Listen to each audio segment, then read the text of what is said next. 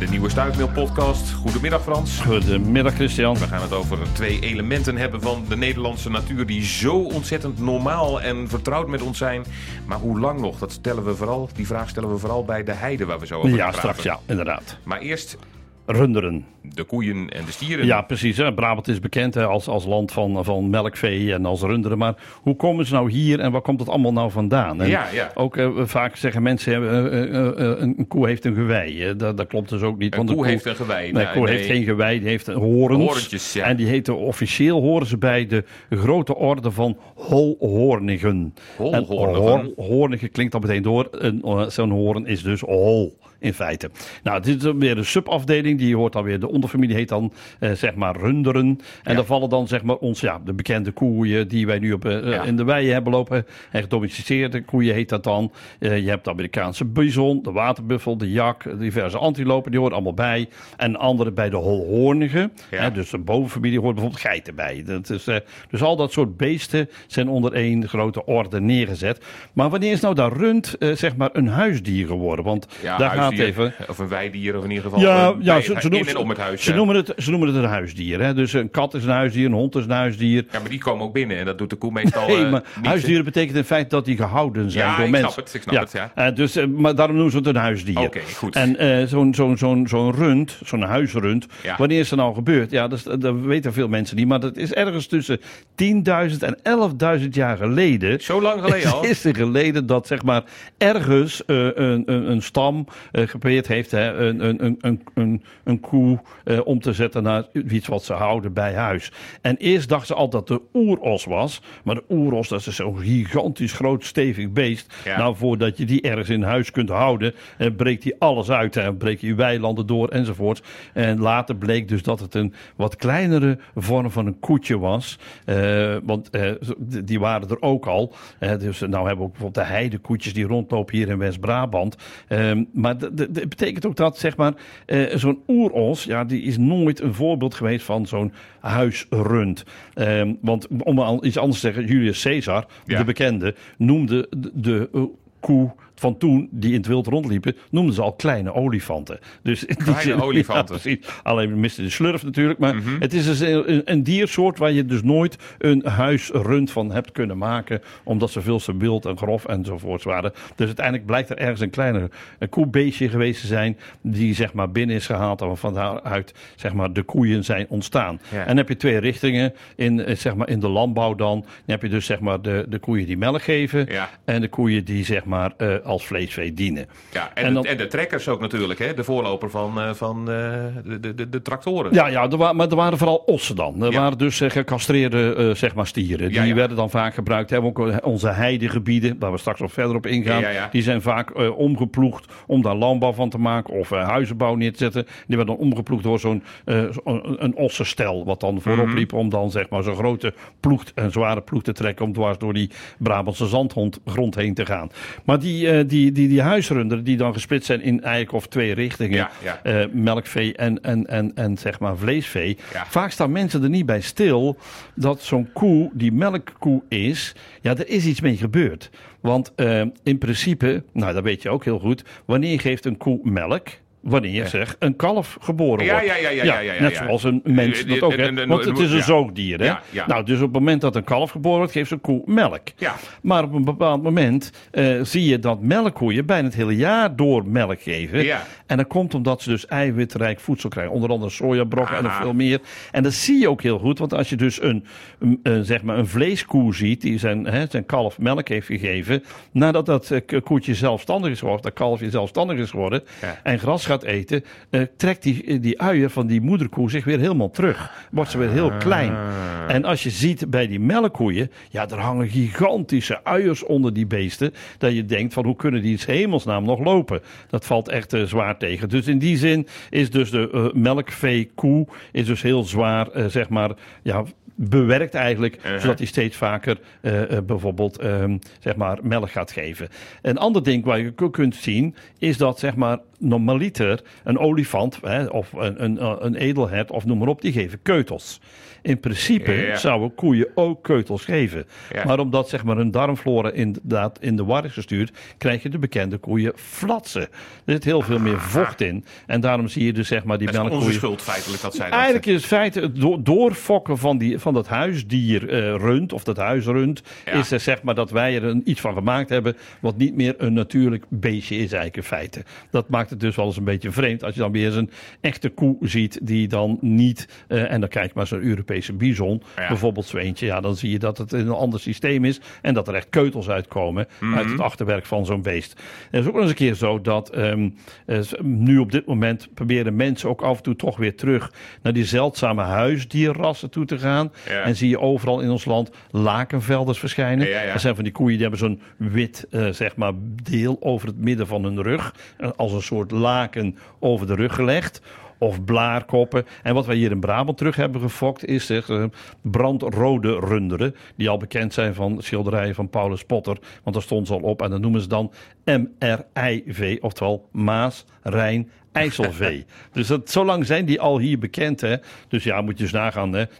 10.000 tot 11.000 jaar geleden de eerste. Maar in Brabant en in Nederland hadden wij dus ook al in de middeleeuwen eh, koeien die al op een andere manier gehouden werden dan het wilde oeros in het veld. Ja, dus het Nou. met de koeien, dat zijn we toen eigenlijk al gaan doen in de middeleeuwen. Ja, eigenlijk, eigenlijk wel. En het is steeds verder doorgaan. De Amerikanen hebben er nog een groter potje van gemaakt, Ja, zeg ik dan. ja, ja. Die hebben, die hebben die Friesian Holsteiners ontwikkeld. hè. Dat zijn die zwartbonte beesten. Ja, dat zijn echt top eh, melkgevers. Maar ja, uiteindelijk is er dus wat mis met die koe in de darmflora. En eh, ja, goed, ze kunnen het heel goed houden. Maar het is wel eigenlijk in feite een totaal ander beest geworden. Dat de eerste koe die meegenomen was zo'n 10.000 jaar geleden. Door mensen die zeiden, we willen eens wat meer melk dicht bij huis hebben. En dat kon ze dan doen nadat de kalf geboren was. En dan hield het weer even op. Ja, maar het hoort ook bij hè, evolutie, want wij zijn uiteindelijk ook rechtop gaan lopen. Dat deden we Precies, eerst ook niet. precies. Dus, ja. Dus wat dat betreft is het, ook, is het ook wel logisch dat dat soort dingen gebeuren. Maar het geeft wel even aan hoe dat zeg maar, het verschil is tussen een echte oerkoe en eh, zeg maar, de koeien die wij tegenwoordig kennen. Hebben, hebben we ze ongelukkiger gemaakt, Frans? Ja, dat durf ik niet te zeggen. Ik heb de koe nog nooit gevraagd. Maar ik denk, ik denk die koeien, als ik ze in de zomer, of in, sorry, in het voorjaar uit de stal de wei zie springen, denk ik dat ze gewoon heel happy zijn. Ja, ja. Dus eh, wat dat betreft hoeft er niks mis te Maar zijn. dat boegeroep elke keer. Ja, ja, ze roepen wel elke boe, ja. Waarschijnlijk hebben- noemen ze dat tegen de mensen. Ja, ik denk het ook. Want wat je ook altijd leert, een, een koe heeft meer magen dan wij. Heeft, Ja. heeft dat daar ook mee te maken? Is die oorspronkelijk, denk je Nee, al? die hadden ze oorspronkelijk Ja, ook al. Maar een konijn heeft ook meer magen. Hè? Want eh, een konijn ook, die, die, die, kijk, een koe gaat herkauwen. Dat doet een konijn ook. Hè? Een konijn eh, die, die, die dan eet aan gras. En op een gegeven moment zie je zo'n konijn ook een soort hikbeweging maken. En Mhm. dan komt die keutel komt dan niet meer uit de mond. Maar die komt dan, zeg maar, blijft dan op de mond. En die gaat weer opnieuw. Ja, want 60% Ja. van eh, zeg maar wat zo'n konijn opeet, verteert niet. Dus er zit nog 60% aan voedsel in zo'n keutel. En wat die konijnen dus ook doen in eh, zeg maar de winterperiode, dan keutelen ze in hun eigen holen, Ja. zodat op het moment dat er voedsel tekort is, kunnen ze dat weer op gaan eten. Dus dat is heel makkelijk. Maar koeien doen dat, eh, zeg maar ook dat herkauwen. Dan zie je ze op een gegeven moment gaan liggen. En dan gaan ze dus inderdaad zeg maar hun materialen weer terug pompen naar voren toe. En dan beginnen ze opnieuw zeg maar, de voedingsstoffen eruit te halen. Want eh, grassen, maar ook andere planten zijn heel moeilijk om daar eiwitten uit te halen. Wij mensen kunnen het bijvoorbeeld niet. Wij kunnen geen eiwitten uit eh, grassen halen, terwijl er wel voldoende in zit eigenlijk in feite. Maar het maakt het een stukje lastiger. Nou, wat je runder tegenwoordig ook ziet, hè, we hebben dus zeg maar voor de landbouw gehad, hè, vleesvee en, en, en, en melkvee. Maar wat je runder tegenwoordig ook ziet, is natuurlijk in natuurgebieden. In eerste instantie kregen we dan vooral Galloways eh, in de natuurgebieden en Schotse hooglanders. Ja. Eh, maar dat kwam omdat wij eigenlijk geen koeien hadden hier in Nederland die zeg maar als vleeskoe rondliepen. Er waren maar een aantal en die waren ook niet winterhard. Nu hoef je tegenwoordig niet meer winterhard te zijn. En ik denk op een gegeven moment gaan die Schotse hooglanders en die Galloways weer weg. Want er zijn dieren met lange haren, dik op vachten. En het wordt steeds warmer in Nederland. En je ziet steeds vaker ook al die beesten in eh, zeg maar plassen staan in de zomertijd. Omdat ze het veel te, veel te warm hebben. Dus zo langzamerhand gaan die verdwijnen. En zullen er steeds meer wat koeien komen die meer thuis passen in ons Brabants landschap. En gaan de Schotse hooglanders weer terug naar het Schotse hoogland. En gaan de Gellers weer terug naar de Schotse moerasgebieden. Want dat zal in de duur wel eh, zeg maar weer zo zijn. Ehm, Waarom die twee binnengehaald? Vanwege dat ik net al zei dat ze dus zeg maar hier goed waren voor het beheer. En waarom is dat dan? Voor het, eh, zeg maar biodiversiteit te organiseren. Want zij knagen aan te veel grassen die dan zeg maar eh, allerlei kruiden kunnen dan tussendoor opschieten. Ze knagen aan bomen, zodat niet alles bos wordt in Nederland. Kortom, je krijgt een hele grote variatie. Juist, ja, juist, ja. En, en als je het hebt over die, die runderen in de buitengebieden, die halen nog wel eens ooit het nieuws als er iemand ooit door aangevallen wordt. Wat gaat er dan mis op dat moment? De mens. Ja, natuurlijk. Ja, Ja, want het is, niet, het is echt niet, eh, het is echt niet eh, die, die... Kijk, er staan overal netjes eh, bordjes van houd eh, afstand. En zeker als er kalveren zijn. Eh, maar als je op een, een boog eromheen loopt, is er niks aan de hand. Maar als je een kind probeert op zo'n koe te zetten, wat heel vaak gebeurt, heb ik zelf persoonlijk vaak nog gezien. Ja, dan worden ze op een gegeven moment een beetje boos, die koeien. Of ga je zitten treiteren, of je gaat met een boterham lokken. Ja, dan gaan die koeien op een gegeven moment steeds meer rare dingen doen. Ja. En dan ligt het dus echt aan de mens die ervoor zorgt dat zo'n beest dan eh, niet meer het gedrag vertoont wat hij eigenlijk moet vertonen. Is rustig staan grazen. ja, of de hond van de mens. Ja, dat gebeurt ook heel vaak. Loslopende honden is een vreselijk iets, want koeien worden daar erg boos over. Eh, zeker als ze kalveren hebben. En ze proberen zo'n hond dan in te sluiten om hem te vertrappelen. Dat is Ja. ooit eens een keer gebeurd in Frankrijk. En dan hadden ze ook een hond los laten lopen. Nog wel zo'n stevige, zeg maar, bulldog. Nou, die hebben ze dus helemaal vertrappeld omdat ze hem op een gegeven moment ingesloten hadden. Want dat Oh. doen ze. Ze proberen zich te verdedigen ten opzichte van, eh, zeg maar, de aanvaller. En je ziet vaak van die hele mooie natuurfilms in het verre Afrika. Dat ze zelfs leeuwen aanvallen. Hè, die waterbuffels of die andere soorten. Dat ze zelfs leeuwen aanvallen. Omdat ze dus, zeg maar, zo'n beest proberen weg te houden bij de kudde. Want anders pakken ze een kalf weg. Dus als je er ooit één tegenkomt in het buitengebied, blijf een beetje op afstand. Maak een mooie foto met de telelens. Want Ja. je kunt toch inzoomen met je telefoontje tegenwoordig. Precies, absoluut. En hou de hond eh, bij je, want anders, Ah, dat eh, is zonder anders- meer altijd aan de lijn. Anders gebeuren er ongelukken. Yes. Ehm, de heidegebieden, ja, ook, ook alweer zoiets wat zo bij Nederland hoort. Ja, maar dat is wel iets wat, wat, eh, wat onder druk staat al een tijd. Ja, absoluut. Hè. En, en zo, bij Nederland, vooral ook zo bij Brabant hoort. Hè. Brabant, een zandgrondprovincie van bijna de peel tot aan eh, zeg maar eh, West-Brabant toe. En zeker de Brabantse wal valt er ook nog onder.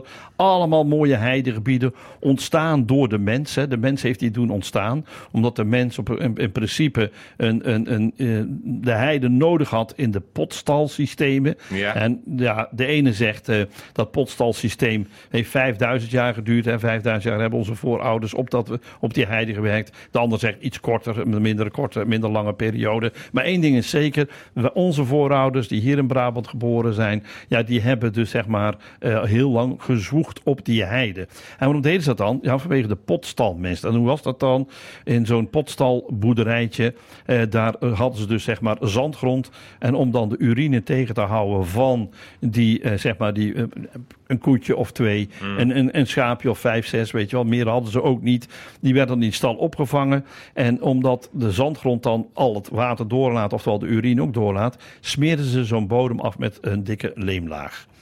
En op die leemlaag kwam een hele grote dikke mat van eh, zeg maar plaksel. En plaksel is uit de heide gestoken tegels, maar dan onder de wortelbasis door. En dan krijg je een tegel en die legden ze dan daar neer. En daarop werden de beesten gezet dan. Maar daarop, op die tegel, eh, zeg maar dat plaksel, werd dus ook een strooisel gezet van de heide.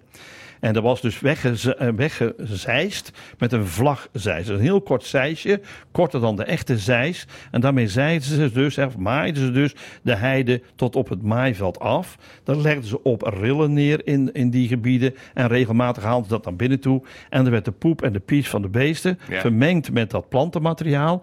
En dat werd op de bouwlanden gegooid, zodat ze langer konden telen op die gronden.